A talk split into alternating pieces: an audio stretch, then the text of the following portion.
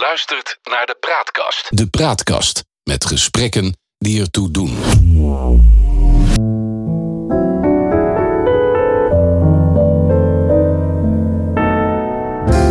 Welkom bij de Praatkast.nl. Dit is een aflevering van het Geheugenpaleis. Mijn naam is John Knierim en samen met Han van der Horst maken we deze podcast. De geschiedenis herhaalt zich nooit, maar rijmen doet hij vaak wel. En in het Geheugenpaleis gebruiken we dat gegeven om dieper in te gaan op de actualiteit. Zo gaan we aan de waan van de dag voorbij en bereiken we de kern van het nieuws, scheppen we orde in de maalstroom van berichten die het zicht op de grote lijn belemmeren. We ontdekken wat werkelijk belangrijk is. En tussen beide blijkt dat de werkelijkheid vaak genoeg elke fantasie te boven gaat. Voor het stelselmatige en wijdverbreide extreme geweld van Nederlandse zijde in die jaren en dat consequent wegkijken door vorige kabinetten maak ik vandaag namens de Nederlandse regering diepe excuses aan de bevolking van Indonesië. Dat was Mark Rutte naar aanleiding van het rapport van de onderzoekscommissie Onafhankelijkheid, Dekolonisatie, Geweld en Oorlog in Indonesië over de periode 1945-1950. In dit rapport wordt duidelijk gemaakt dat het Nederlandse leger in Indonesië structureel extreem geweld heeft gebruikt. Han, wat een ophef de afgelopen tijd. We wisten toch al lang dat Nederlanders daar oorlogsmisdaden hadden gepleegd.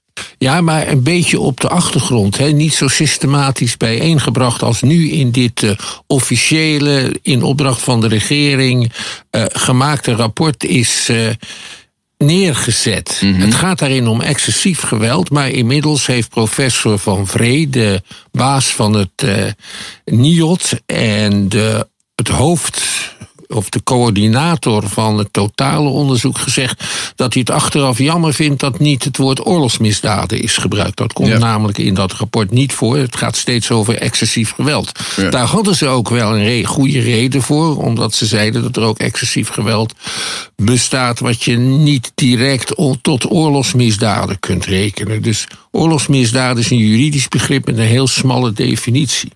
Ja, Toch ja. heeft Van Vree nu spijt en dat zegt eigenlijk al genoeg. En die uh, excuses van Rutte die waren zeer op zijn plaats. En het is ja. eigenlijk schandalig dat ze pas 75 jaar na dato komen. Ja, dat heeft gewoon toch alles te maken met het feit dat de meeste mensen dood zijn en er geen eh, claims meer komen, financiële claims. Ik denk dat dat er wel een klein beetje achter zit. Ja. Dat er zo ontzettend lang gewacht is. Nederland is altijd erg bang met het woord excuses, omdat je anders omdat je dan uh, claims kunt krijgen. Dat uh, zit daar een beetje achter.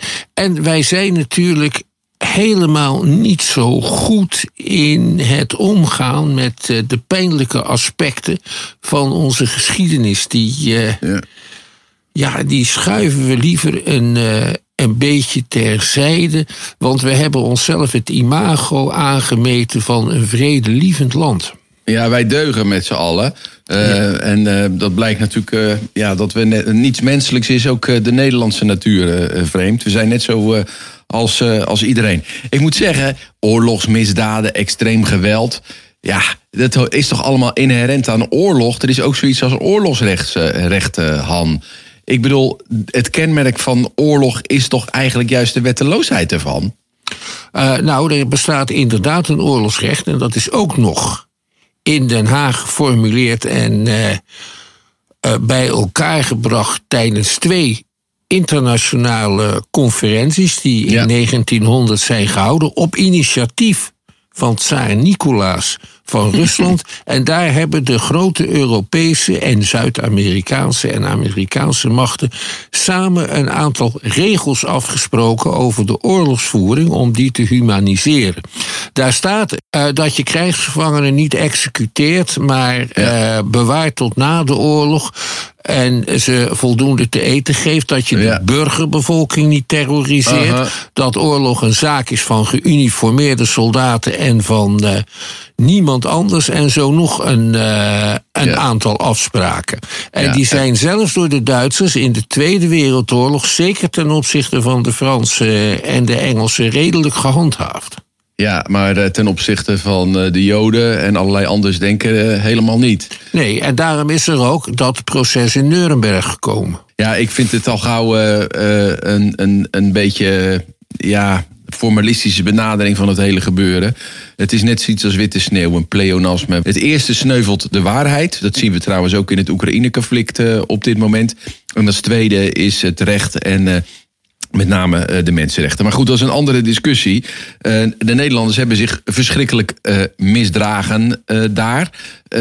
ja, ik weet dat wij op de middelbare school van mevrouw Guldenmond, die mij geschiedenisles gaf, die had het al over de politionele acties en heeft ons toen uitgelegd dat dat waarschijnlijk wel een beetje heftiger was dan dat we toen, uh, toen dachten. Dus ja, het is toch ook al heel lang bekend uh, dat uh, we daar niet helemaal ons netjes hebben gedragen. Maar laten we eens teruggaan naar het einde van de Tweede Wereldoorlog. Voor die tijd was Indonesië zeg maar een, kolonie van Nederland. Het is tijdens de Tweede Wereldoorlog bezet door de Japanners, die samenspanden met de Duitsers. Maar uh, uiteindelijk komt uh, eigenlijk uh, in nou, volgens mij augustus 1945 een einde aan die Tweede Wereldoorlog door de capitulatie van Japan. En dan wordt in Indonesië door Sukarno de onafhankelijkheid uitgeroepen. Ook nog wel een beetje onder dwang zelfs. Sukarno en Hatta die waren ontvoerd door de Pemuda, de jongere beweging van de Indonesische nationalisten. En geprest om die onafhankelijkheid uit te roepen. Of ja. overtuigd of overreed, dat is niet helemaal duidelijk. Toen heeft Sukarno een verklaring van drie regels geschreven. En zijn vrouw heeft uit twee oude overhemden, een rode en een wit overhemd, de Indonesische vlag genaaid. Zodat ze die uh, daarmee konden zwaaien. En dat is op, radio, op de radio gekomen die onafhankelijkheidsverklaring. En, uh, en Nederland was toen al maanden, eigenlijk vanaf de dag van de bevrijding, een leger aan het werven van vrijwilligers om Nederlands-Indië van de Japanners te bevrijden. En dat leger is toen gebruikt om uh, in Indonesië de greep van de Nederlanders te herstellen en daaraan is ook nog een groot leger van dienstplichtigen toegevoegd. Ja. Ik begrijp dat na de Tweede Wereldoorlog eh, de geallieerden, met name de Engelsen en Amerikanen, niet bereid waren om Nederland te helpen bij die strijd in uh, Indonesië. Nee, de Engelsen hebben wel uh, de honneurs voor Nederland waargenomen in de eerste maanden na de capitulatie van Japan. Omdat mm -hmm. het een tijd duurde voordat Nederland in staat was om voldoende soldaten uh, daarheen te sturen. Voldoende bewapende en uitgeruste soldaten. Ze kregen oude Engelse legeruniformen. waar soms het bloed en de kogelgaten uh, nog in zaten. En uh, heel veel overbodig Brits wapentuig. Ja.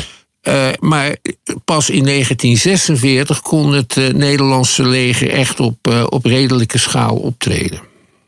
Ja, er werden uh, grote groepen. Hoe, hoe, hoeveel militairen hebben het uiteindelijk die daar in Indonesië zijn uh, vervoerd? Nou, toch gauw een stuk of 130.000. Ja, en daar dat, kwamen dat is best nog, veel. Ja, en daar kwamen nog 40.000 man van het Koninklijk Nederlands-Indisch leger bij. Ja. En dat waren eigenlijk uh, de Indonesiërs die, uh, die in uh, Indonesië de kant van de Nederlanders hadden gekozen. Ja. Um, dat ging zonder slag of stoot in Nederland. Iedereen meldde zich daarvoor aan. Of was er ook nog wel ja, wat tegenstand? Uh, ja, er was tegenstand. Er waren mensen die de situatie in Indonesië begrepen en geen heil zagen in een uh, gewapende strijd. Mm. Uh, die zelfs voorstanders waren van Indonesische onafhankelijkheid en die begrepen dat Indonesië al drie eeuwen bezet was en dat als die Sukarno met de Japanners ging samenwerken nadat hij uit Nederlandse gevangenschap door diezelfde Japanners was bevrijd, dat je dat niet vergelijken kon met, met landverraad. Maar dat hij gewoon voor de andere bezetter een tijdje had gewerkt. Er waren mensen die dat begrepen. Uh, ja. Dat waren de communisten. Uh, dat waren een aantal zendelingen en missionarissen. die niet in een koloniale bankenbubbel hadden geleefd. maar echt tussen de Indonesische bevolking. En dat waren uh, een aantal linkse, uh, niet-communistische uh, groeperingen. bijvoorbeeld het dagblad Het Parool. En het weekblad Vrij Nederland. Maar Vrij Nederland verloor tienduizenden abonnees toen uh, de hoofdredacteur van Randwijk een artikel had geschreven onder de titel uh, Omdat ik Nederlander ben, waarin hij opkwam voor de Indonesiërs. Daar is dat blad bijna aan te gronden gegaan en Van Randwijk was niet meer te handhaven als hoofdredacteur. Je zou kunnen zeggen dat het in de hele, hele brede uh, maatschappij eigenlijk het gevoel was van nou dat Indonesië dat is van ons en dat, dat is van ons. hebben. Dat is van ja. ons. Dat is nou in handen van uh, uh, kwaadwillige elementen die ja. gecollaboreerd hebben met, met Japan. En je moet wel beseffen dat men in Nederland heel weinig van Nederlands-Indië wist. Eigenlijk alleen ja. maar de, beschikte over informatie die gefilterd was door de koloniale autoriteiten. Ja. Er zijn eh, na 1980 meer Nederlanders in Indonesië geweest dan in alle eeuwen daarvoor bij elkaar. En dat komt door Boeings en door massatoerisme. Dus de ja. mensen hadden het heel erg van horen zeggen. En die ja. dachten dat Nederland daar een goed werk verrichtte en bezig was de Javanen op te voeden en te beschaven. En er liepen ook allerlei eh, clichés. Eh, bijvoorbeeld de Javaan is de zachtmoedigste mens op aarde. maar ook Javanen zijn achterbaks. Ze houden zo ontzettend van Tuan en Nonja. Wat is Tuan en Nonja? Uh, Tuan is uh, de, het woord waarmee Nederlanders werden aangesproken. Tuan ja. betekent heer. En Nonja, dat is de echtgenote van de heer. Ja. ja ze kenden uh, Indonesiërs alleen maar in het algemeen in heel scherpe gezagsverhoudingen. Dus de baboe, ja. het kindermeisje. Er ja. zijn nog steeds heel veel Nederlanders die zeggen: Nou, maar wij Nederlanders hebben in Indonesië een streepje voor hoor. Nou, nee. Dat heb nee. je niet. Ik eh, herinner me dat, dat uh, Multatuli ook in de eeuwen daarvoor al, of uh, ja, honderd jaar daarvoor al had geschreven in Max Havelaar, waarin hij eigenlijk de uitbuiting in de koffiehandel aan de kaak stelde. Dat dus is ook zo. Dat, Dus- dat, dat, dat betekent toch niet dat we het helemaal niet wisten in die tijd? Nee, iedereen uh, wist het wel. En denk erom, uh, Multatuli wilde helemaal niet uh, dat Indonesië vrij werd of zijn onafhankelijkheid kreeg. Nee, hij wilde de rechtvaardige heerser zijn. Die een einde maakte ja. aan de misstanden. Dat konden alleen de Nederlanders. Een hele paternalistische gedachte eigenlijk. Ja, uh, er was ook een, een, grote groepering onder de koloniale bestuurders die voorstanders waren van een ethische politiek. Nederland is het enige land in de wereld dat zijn kolonialisme heeft gedefinieerd als ethische politiek. Ja. En niet als de last van de blanken of de beschavingsmissie. Ja. Een ethische Ik, politiek ik moet zeggen, in deze tijd kan je toch eigenlijk niet voorstellen dat we met elkaar ooit zo gedacht hebben. Je valt toch van je stoel. Ja, dat is ook zo. En toch is het nog helemaal niet zo lang geleden hoor. Als mijn ja. vader op de televisie in 1960 in het journaal Sukarno zag, dan zei hij: laat hij zijn volk te vreten geven. Ja. En als er daarna berichten waren uit Afrika of ja. onlusten en zo, dan zei hij: ze moesten toch zo nodig onafhankelijk wezen. Dat is niet zo lang geleden. En er zijn. Ik zou ze niet de kost willen geven die er nog zo over denken. Of die er weer zo over denken. Dat is wel heel, heel bijzonder. Het paternalisme, het, het idee dat, dat, je, dat je superieur bent in je gedachten, in je cultuur. ten opzichte ja. van, van andere volken. Dat, ja, dat is toch verschrikkelijk? Vergeet niet dat het ook heel sterk zat in de ontwikkelingshulp. Daar heb ik door mijn werk mee te maken gehad. Ja. En, en dan gingen we, ja, ontwikkelingshulp gingen we dan geven ter bevordering van. Uh, nou, van alles. Uh, vrouwenbevrijding, armoedebestrijding. Op den duur de civil society. En, en ja. behoorlijk bestuur. En anders kregen ze niks. Ja. Maar wij wisten dat, hoe dat moest, dat behoorlijke bestuur. Ja, ja nadat ik in, uh, een aantal keer in Afrika was geweest, uh, begreep ik dat, dat, dat het vanuit je eigen perspectief proberen op te lossen van de problemen in een ander land over het algemeen niet zo succesvol is. Je moet het proberen vanuit het perspectief van de cultuur waarin je zit te doen. Maar dat. dat ja, dat, dat, het is de zending en de missie eigenlijk zo door de kerk naar voren gebracht. Uh, voor zorgen dat de, de wereld meegaat, in, ontwikkeld wordt, ont, ontkerstend wordt. En meegaat in in de hele christelijke moraal. Nou ja, we hebben er tot op de dag van vandaag hebben we daar last van. Het gold overigens niet voor iedereen. Want de, de naam uh, Ponke Prinsen zal bij sommige mensen misschien nog wel herinneringen oproepen. Dat was een, een dienstweigeraar. Die wilde helemaal niet meedoen met die politionele acties. Die man die werd ver, verfoeid. Die werd, werd, nou ja, nog net niet uh, standrechtelijk geëxecuteerd. Dienstweigeraars die werden zeer hard aangepakt uh, in de jaren 45, 49. En heel veel mensen hebben zich dan toch laten pressen ja. om naar uh, Java te gaan, ondanks het feit dat ze de oorlog afwezen, onder wie Ponke Prinsen. En die is toen overgelopen naar de nationalisten. En hij in is in, Indonesië. In, ja. ja. hij heeft zich aangesloten bij het Indonesische verzet. Heeft daar ook een, heeft een rol gespeeld in de strijd tegen de Nederlanders. Is na de Tweede Wereldoorlog dan ook Indonesisch staatsburger geworden en ja. daar altijd gebleven. Maar hij heeft in de jaren 70 opnieuw problemen gekregen. omdat hij zich verzette tegen de dictatuur van generaal Suharto, die toen aan de macht was. Hij was wel principieel, die man. Ja, hij was, zeer, hij was, was een principiële democraat. Dus ja. als hij misstanden aantrof in Indonesië zelf, dan stelde hij ze ook aan de kaak. Ja. Nou goed, wij, wij voeren daar die poli politionele acties uit. Nederland pleegt daar oorlogsmisdaden ja. op grote schaal. Uh, maar de Indonesiërs waren ook geen lievertjes. Nee, maar daar gaat het nu niet over. Nou ja, waarom, waarom, waarom gaat het daar nou niet over? Het is geen excuus. Nee, maar ik bedoel het ook niet als excuus. Maar wat ik bedoel aan te geven is dat een oorlog gewoon altijd heel vuil is en van twee kanten op een hele smerige manier uitgevochten wordt. Dat is ook zo. En uh, de Javanen zijn niet het zacht, meest zachtmoedige volk uh, op aarde. Nee. Er zijn in de geschiedenis van Indonesië enorme, gigantische gewelduitbarstingen geweest. Een van die gewelduitbarstingen was uh, de hmm. periode 45-49. We moeten wel beseffen, zeker 100.000 doden aan Indonesische kant en een paar duizend, zesduizend aan de Nederlandse voor het perspectief. In 1966 werden de communisten van verdacht een staatsgreep te plegen. Dat heeft geleid tot een uh, tegenactie met een miljoen doden. -hmm. Waarbij die mensen ook vaak op creatieve wijze zijn omgebracht. Net als in uh, de, tijdens de koloniale oorlog van 45 tot 49 trouwens. En het is inderdaad niet mis. In de NRC kun je bijvoorbeeld lezen hoe uh, Indo-vrouwen en Nederlandse vrouwen aan bomen worden gebonden in Surabaya.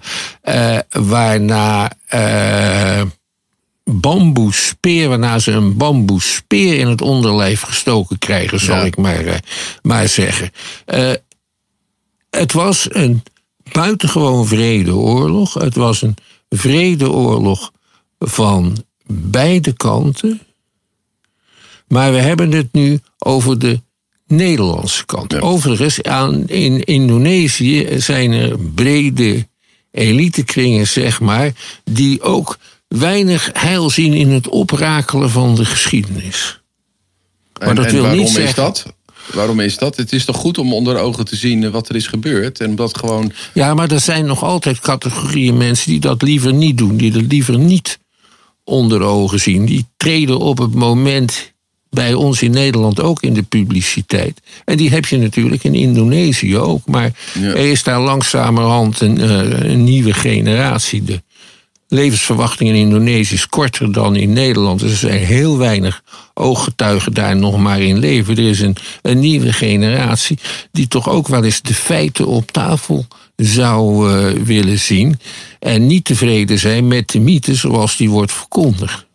Nou uh, gaat uh, Nederland die strijd ja, niet echt verliezen, maar onder druk van de internationale gemeenschap is zo in 1949 is het wel klaar. Dan, dan zegt Nederland nou we trekken ons terug. Maar dat werd vooral uh, heeft zich dat plaats laten vinden onder druk van de Amerikanen. Ja, die waren voor Indonesische onafhankelijkheid. Om, eigenlijk omdat ze bang waren dat het land anders in handen zou vallen van de communisten. Er was vrijwel geen land ter wereld mm -hmm. die Nederland ten volle steunde in zijn koloniale strijd.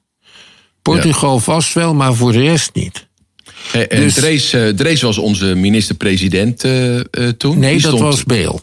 Dat was Drees Beel. Is, hij is in 1948 minister-president geworden, Drees. Ja. Daarvoor was twee jaar lang Beel, een katholieke politicus, de minister-president. Ja. Wat de regering Beel heeft gedaan, is consequent iedereen verwijderd die echt verstand had van Indonesië. Beel was gemeentesecretaris geweest van Eindhoven, die achter zich geschikt om het zelf te regelen in Indonesië. Die heeft zich ook tot commissaris-generaal laten benoemen, waarna die afreisde en in drie maanden ongelooflijk veel schade heeft aangericht. Ondertussen was Drees minister-president. Drees heeft met zijn autoriteit alles wat we hier lezen eh, in die nieuwe rapporten gedekt. En er ook mede voor gezorgd dat er van alles onder de, eh, onder de roos verborgen bleef in de jaren na de Indonesische onafhankelijkheid. Er is ook een prachtig boek over verschenen in deze dagen, waarin wordt uitgelegd wat men allemaal heeft gedaan om te voorkomen dat er zaken voor de rechter kwamen. Dus dat is de rol van Drees. Het is heel ontluisterend voor de Nederlandse politiek. En let op, de Nederlandse politiek, bijna alle partijen en alle leiders, die stonden achter het sturen van die jongens naar Indonesië. En die daar bewust in omstandigheden werden gebracht waarin het slechtste van de mens naar boven komt. Dat is Ja. er gebeurd. Ja, dat is toch wel heel, eh, heel bijzonder. Eh, ik woon hier in Den Haag en ik loop heel vaak eh, langs de Tweede Kamer. Dat is nu in, in, in renovatie. Daar staat het, een, een standbeeld voor, eh, voor Drees. Ik herinner me in de eh, Van Heutsflat in Vlaardingen, waar ik eh, eh, woonde, dat daar een, een, een borstbeeld op de muur eh, eh, geschroefd was eh, in de Van Heutsflat. Ook zo'n man die eh, vreselijk heeft huisgehouden in eh, Indonesië. Eh, we hebben hier in Rijswijk volgens mij de Generaal Spoorlaan. Dat zijn eh, in heel veel gevallen ook namen die aan straten gegeven worden, beelden die eh, neergezet zijn. Lang nadat die periode eh, eh, achter ons lag. En toen we eigenlijk hadden kunnen weten dat die mensen aan de verkeerde kant van de geschiedenis stond. Wat moeten we daar nou mee? Bordje bijzetten, net zoals bij Witte de Wit en generaal Bota en Paul Kruger. Dat lijkt me het beste. Ja. En wat Die, staat er dan eh, op het bordje? Deze mensen die stonden aan de verkeerde kant van de geschiedenis. Nee, dus generaal Spoor eh, was mede verantwoordelijk voor. Maar daarmee is dan nog, nog niet gezegd van dat we dat erg vonden. Als je dat erbij zet, wel. Ja. Dat lijkt me, het lijkt me de beste oplossing. Anders al Ja. die nastraatnamen veranderen, standbeelden weghalen, dat lijkt me een slecht idee.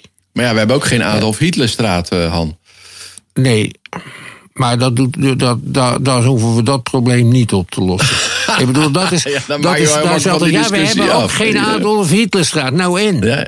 Wil je er dan een hebben? ja, maar dat is toch... Ik bedoel, wa- wat. Nee, ja, ik, ik, ik, ik vind het ook heel lastig. Want ik, ik, eh, je, je kan ook een, eh, een, een Willem Drees niet zien zonder de verdiensten die hij heeft gehad Nee, voor de Nederlandse dat- maatschappij. natuurlijk Met het dat inrichten van het sociale stelsel. Dat is ook Drees. Ja, nee, dat is ook zo. Dus dat is. een- En dat, eh, dat, dat- dat moet je. Maar daar moet je mee leven. En Ja. daar moet je mee kunnen leven. Ja. Dat er, Maar- aan, als iemand, dat er twee verschillende aspecten aan iemand kunnen zitten. En Ja. dat sommige mensen goede dingen gedaan hebben. En ook heel, gr- en ook heel slechte. Neem Adolf Hitler. Zonder hem was de Volkswagen nooit tot stand gekomen. Maar eigenlijk geldt, geldt natuurlijk voor die politici wat voor ons allemaal geldt. Ook aan mij zitten er kanten in mijn geschiedenis die niet zo leuk of misschien wel verachtelijk zijn geweest. En dat geldt waarschijnlijk voor jou ook en voor ons allemaal. Ja, dat is En, waar. en proberen we niet in deze tijd iemand volledig goed of geleden fout te eh, verklaren. Ik neem een Michael Jackson, die eh, prachtige muziek heeft gemaakt, maar later van pedofiele eh, handelingen eh, verdacht werd. We hebben onlangs nog gehad de in Nederland wereldberoemde artiest Leeuw Kleine, die prachtige muziek maakt in ogen van velen en aan de andere kant zich ook misdragen heeft. Is dit niet gewoon het menselijk gebrek in optima forma? Ik heb daar een heel ander soortig antwoord op. Geschiedenis is geen rechtspraak. Geschiedenis probeert uit te leggen wat er is gebeurd en waarom het is gebeurd en door wie het is gebeurd en op welke gronden. Maar geschiedenis probeert niet te veroordelen, dat doet een rechtbank. Ja, maar, de, maar ook in de publieke opinie komen wij toch tot een oordeel over bepaalde zaken. Dat is toch waar je als geschiedkundige niet helemaal van los kan laten, van los kan zien. Nou, je moet, daar, je moet daarvoor waarschuwen op het moment dat het gebeurt. Want heel veel mensen beschouwen de geschiedenis wel als een vorm van rechtspraak. Eh, Fidel Castro heeft bijvoorbeeld op een, tijdens een rechtszaak tegen hem uitgeroepen: de geschiedenis zal mij vrijspreken. Ja, En eh, dat is niet zo. De geschiedenis spreekt niemand vrij, maar de geschiedenis straft ook niemand. Dat doen, dat doen rechters. Dus het een, wat jij moet doen als historicus, en wat ik dan ook altijd doe bij dit soort discussies, is daarop wijzen. En het kan heel, en het kan heel leerzaam zijn om te weten hoe het dan kan dat goed opgevoede boerenjongens in Indonesië zich ontpoppen als vredemoordenaars. ja. Dat is erg interessant om dat te weten. Daar heb je Ja. wat aan voor de toekomst. En die jongens eh, in Indonesië zijn natuurlijk gewoon ook onder dwang daar naartoe gegaan. En hebben uitgevoerd wat hun is opgedragen van hogerhand. Dat is ook zo. En in dat geval is het dan ook belangrijk om de schijnwerper A op hoge hand te richten. En B op de jongens die in, on- in omstandigheden zijn gebracht waarin het slechtste naar hen, bij hen naar boven Naar kwam. boven, werd- ja, Ja, maar dat was wel het slechtste. ja. Ja, dus een van de dingen die ik zeg is: eh, veteranen zijn geen oorlogsmisdadigers. Nee. Dat kan je niet zomaar zeggen. Maar ze hoeven ook niet, ze hebben ook geen reden om trots te zijn op hun uniform. Ze hebben net zoveel reden om trots te zijn op hun uniform als oud-soldaten van de Duitse Weermacht. Want die hebben zich eh, ongeveer net zo gedragen, althans in West-Europa. In Oost-Europa was het denk ik nog een graadje erger dan het Nederlandse leger. Maar je ziet dat in die tijd, in de jaren 40, al er vergelijkingen komen. En dat, Ja. zijn, dat zijn feiten. Daar moeten wij als Nederlanders mee leren leven. En daar zijn we slecht in. Ja. Want we, zijn, we hebben sterk het idee dat we de goeie zijn. En we kunnen ook van de Duitsers heel goed leren hoe je daarmee om moet gaan. Eh, Want die is op hardhandige wijze duidelijk gemaakt, die Duitsers, dat ze niet de goeie zijn. Die hebben daar ook een woord voor, ver, Vergangenheitsbewältigung.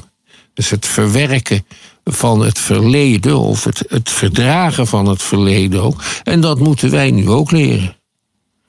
Want we zijn slavenhandelaren, rovers. eh, en we hebben een aantal malen eh, massamoorden gepleegd. En dat hoort allemaal bij. En dat is allemaal gedekt door de kroon en door de Nederlandse regering en door de driekleur. En dat blijkt een veel bloedige vlag te zijn dan we onszelf altijd hebben wijsgemaakt. Het begint eh, nu, de collectieve verwerking eh, van, eh, van dit verleden. Ik hoop dat deze podcast daaraan kan bijdragen. Het onder ogen zien van, van onze geschiedenis. Tot eh, zover deze aflevering van het Geheugenpaleis. We maken dit in samenwerking met de Praatkast. De uitzendingen zijn te vinden op www.praatkast.nl. Maar je kunt je ook abonneren op onze podcast in je favoriete podcast-app. Dan krijg je automatisch een bericht wanneer een nieuwe aflevering online komt. Vertel je vrienden over ons en laat vooral ook een beoordeling achter. Dan worden we nog beter gevonden. Stuur een mail naar info.praatkast.nl als je ons wat wil vertellen. En op de praatkast.nl zijn nog veel meer podcasts te vinden van de Praatkast. Bijvoorbeeld Nu is Later. En daarin onderzoekt Victor Chevalier of je geworden bent wat je wilde worden. Diepgaande interviews met helden in hun vakgebied, vaak bekende mensen. Nu te beluisteren op Nu is Later bij depraatkast.nl. Voor nu bedankt voor het luisteren en tot een volgende keer. Wees gelukkig, blijf gezond.